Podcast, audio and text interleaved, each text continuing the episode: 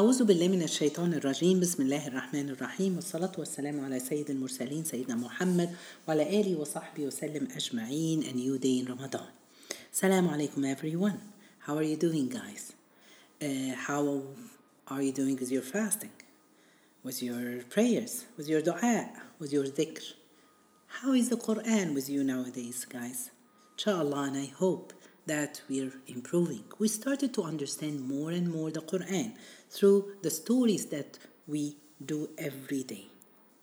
Subhanallah, the Quran is not just just to read, to to make your faith stronger and to get more of good deeds. It's all this, but we can add to it that the Quran is it has to improve your manners, your character, to apply it in your life. Allah subhanahu wa ta'ala in the Quran, He told, O you who believe, answer Allah and His Messenger when He calls you to what gives you life. So we take life from the Quran, how to live, how it, it builds everything in your personality. Subhanallah. So the Quran it's something that you live with. It's not just thing that you, book that you read it a few page every day and that's it. No, it has to improve our life. May Allah subhanahu wa ta'ala made us among those people that make our characters from the Quran, improve from the Quran. Let's start today with one of the stories of my grandma. But before we start, we just, just have to send salawat upon the Prophet, peace be upon him. Allahumma salli wa sallim wa barik ala Sayyidina Muhammad. Somebody asked me, why do we have to say salah every time before we start uh, our story? Uh, Subhanallah, remember that the salah upon the Prophet, peace be upon him, it's one of the best kind of worship to Allah. Because Allah subhanahu wa ta'ala, He's the one making the salawat. So we are asking Allah. Allah said that He and the angels make salawat. So, oh my uh, believers, make salawat upon the Prophet. So it's Allah subhanahu wa ta'ala. And when we ask Allah subhanahu wa ta'ala, Allahumma salli, oh Allah, pray upon the Prophet, peace be upon. So it's the salawat of the Allah subhanahu wa ta'ala. So that's the great. And the Prophet told us that if you make salawat upon the Prophet, peace be upon him, Allah will take care of all your problems. And we have tons, millions of problems nowadays. So inshallah, Allah will accept our prayers. Okay, so today's story, one day my grandma told me, I'm gonna tell you a story about Prophet Musa and a man called Al Samiri. So I asked her, Grandma, I can see that you a lot of stories in the Quran about people of Israel or children of Israel. Why is it like that? She said, That's a good question. She told me that, subhanAllah, the people of Israel, uh, uh, they had a problem. They, they, they were not good believers. They have always this hesitant in their belief. They were not, they didn't have a strong faith. Anything happened around them, even when they see miracles from Allah subhanahu wa ta'ala, they after that they go back and forget about Allah subhanahu wa ta'ala. And today's story is one of them. They had a test or a trial by Allah subhanahu wa ta'ala through a man called the. Subhanallah, as we start the story, she reminded me of the people of Israel when Prophet Musa, Allah subhanahu wa ta'ala told him take the people, children of Israel, Bani Israel, and take them out of Egypt. Night time, at night time, so they don't follow you. When they left early in the morning, the Pharaoh knew about this and he brought the, army, and we all know the story that Allah subhanahu wa ta'ala drowned them, Pharaoh and the Pharaoh and his army, and Musa and his people, they were safe. So they passed, they crossed, they left Egypt, they went. Allah ordered them to go towards Palestine. And we have said that they refused and they were afraid about the king who was in Palestine. They said, You, Musa, you and your God, go and fight. We're staying here. Subhanallah. Then Allah subhanahu wa ta'ala punished them and made them, uh, you know, lost in the desert for 40 years. During these 40 years, they went through a lot of stuff. Allah subhanahu wa ta'ala in the Quran, He told us about it. One time, one of the stories, the story of today, Allah subhanahu wa ta'ala in the Quran, in Surah Al A'raf, verse 142, Allah said that He promised Musa to go his, and have an appointment with Allah subhanahu wa ta'ala. Allah said in the Quran, and we assigned for Mo- Moses 30 days and added 10 more. And thus he completed the 40 nights, his Lord's appointment. Subhanallah. So Allah asked Prophet Musa to go to talk to him at the mountain of uh, At-Tur in Sinai.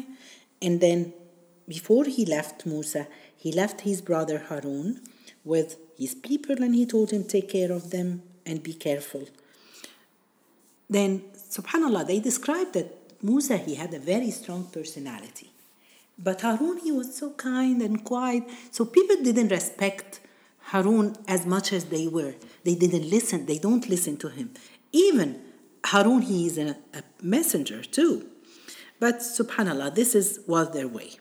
So Allah subhanahu wa ta'ala appointed or gave an appointment for uh, Musa to come and meet him for 30 days.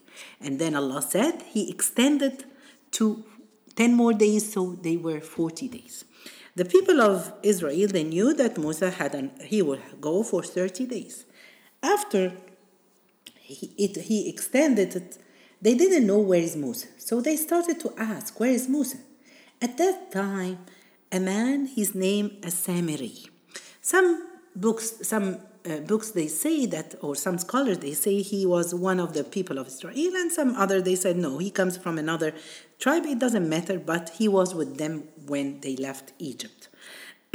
so the Samiri, uh, he came up with an idea because the people when they left Egypt, okay, the people of Israel, when they used to live in Egypt, they used to their women, when they have parties or weddings, they go and borrow uh, some gold from the Egyptian people and take them and then turn it back. They borrow them.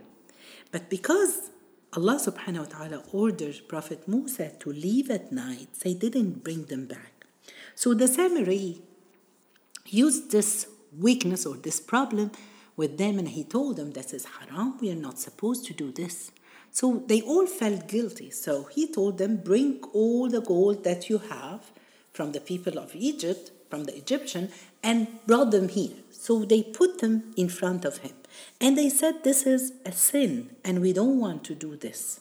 So then he took, he melted all the gold, and then he started to make uh, on the shape of a calf, the small cow. And then he told them after that, this is your God. They were surprised. They said, Okay, but Musa went to meet his God. He told him yes, but he was mistaken. He didn't know that he's here, so he went and he will come back. Then, subhanAllah, he was so smart. He made an opening in his mouth, at the mouth of the calf, and at the end, and he put it in a position that the wind when they come and come from inside and go out from the mouth, it makes a sound. So, subhanAllah. And then people believed in him that this is their God. Prophet uh, Harun, when he saw this, he told them, Don't believe him. It's not true. Allah went to meet with Allah.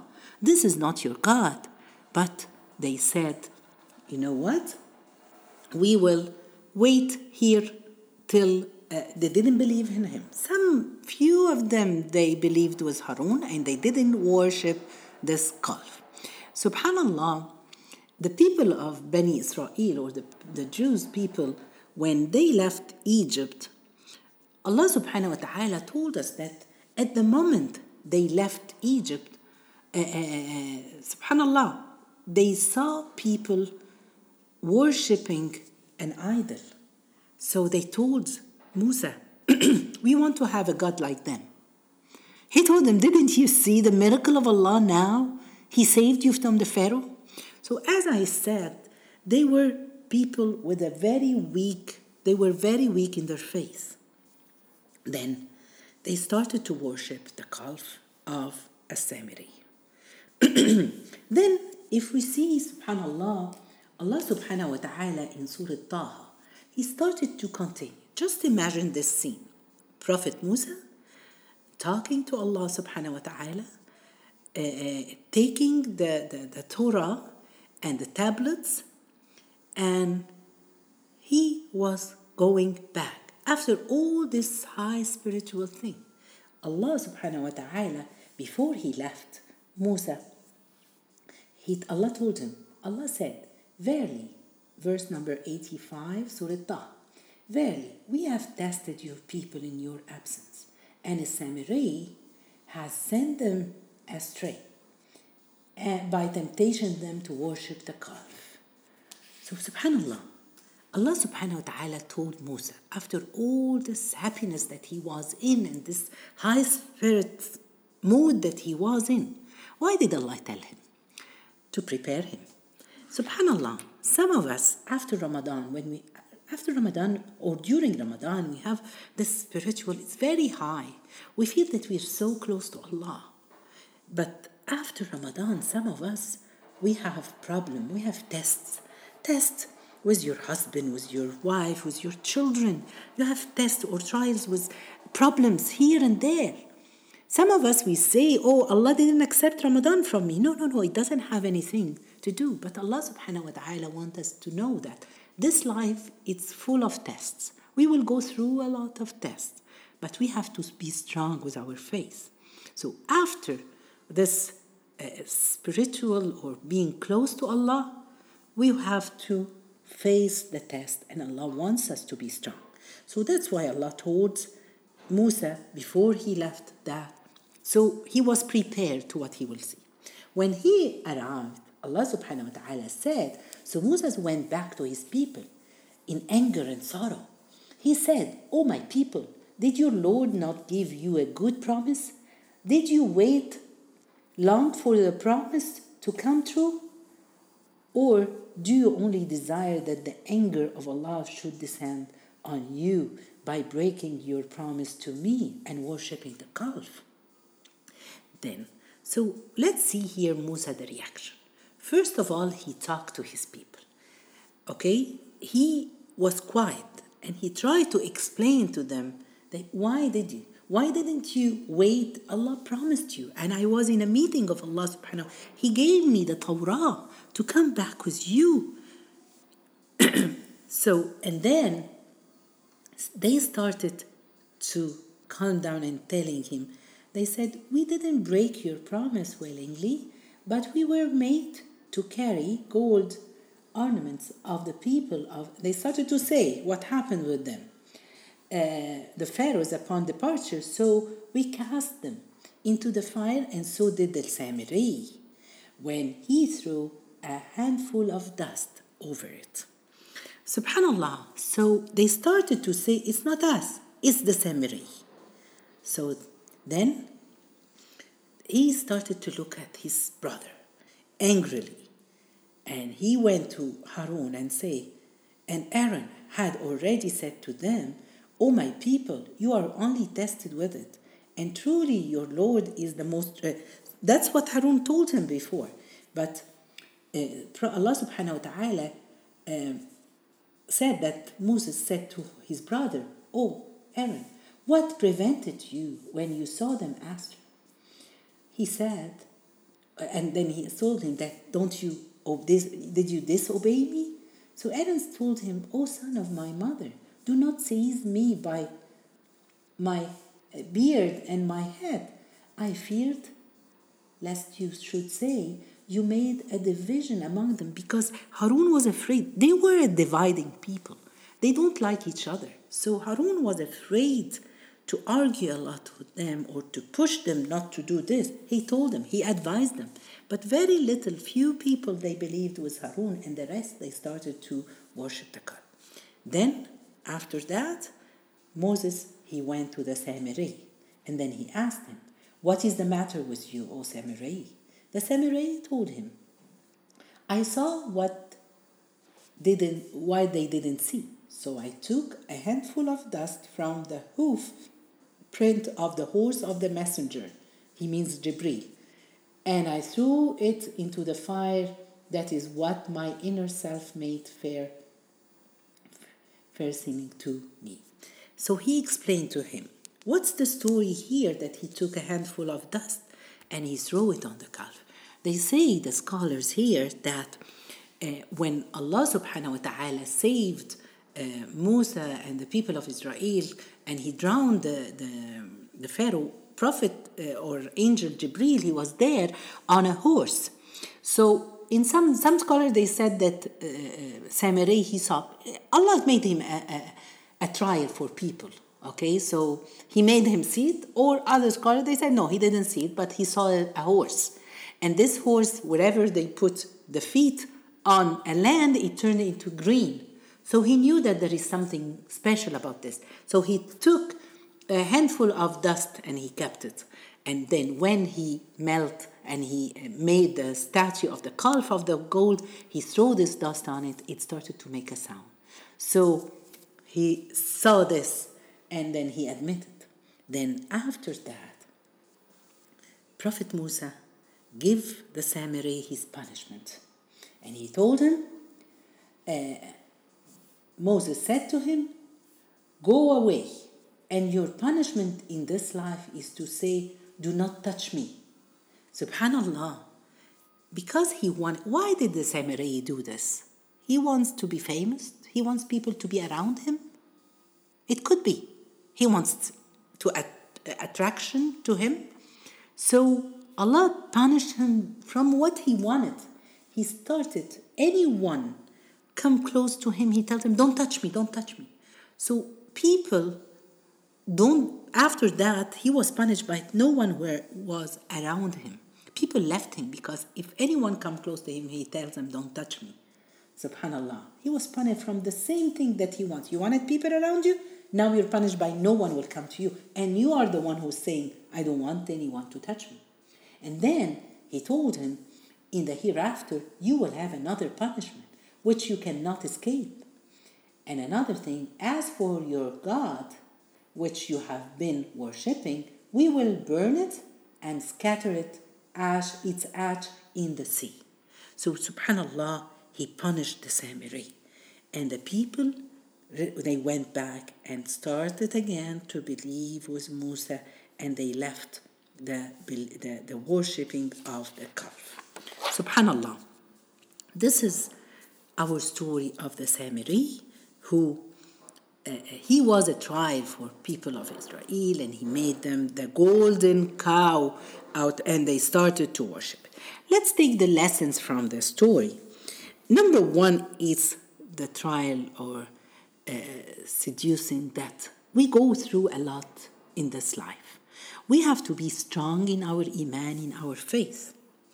Uh, Subhanallah, what is the trial of this uh, of this time that we go through? One of the things that I thought about it is the social media. It's a big problem for a lot of us. I'm not saying that social media is something bad. It's good when you use it properly and wisely, and it's bad when you use it badly. When you spend all your time wasting your time instead of, of, of subhanallah reading the Quran or praying, it makes you miss some prayers it makes you take most of your time and not this just wasting of time. Another try or problem uh, or another test with the social media that we have very to be very careful is the knowledge or the information that we share. It could be wrong. I can accuse someone. We can see nowadays people accuse each other from things they didn't know. They just read it somewhere and they post it and they share it. Be careful with sharing things. We were talking about Qarun, uh, Qabil and Habil, the sons of Adam. And we see that Qabil, he will, because he was the first one killing on earth, everyone kills till the day of judgment. He will take the sin as this person because he was the one, the first one doing the mistake or the sin. What I want to say, don't be a person that posts things haram, that other people can follow you And if they do this, you will take the same sin as they're taking. So we have to be very careful with this. Another thing, we take another lesson. Look at the um, Prophet Musa when he had this problem, when he came back, when he came back, how he solved it.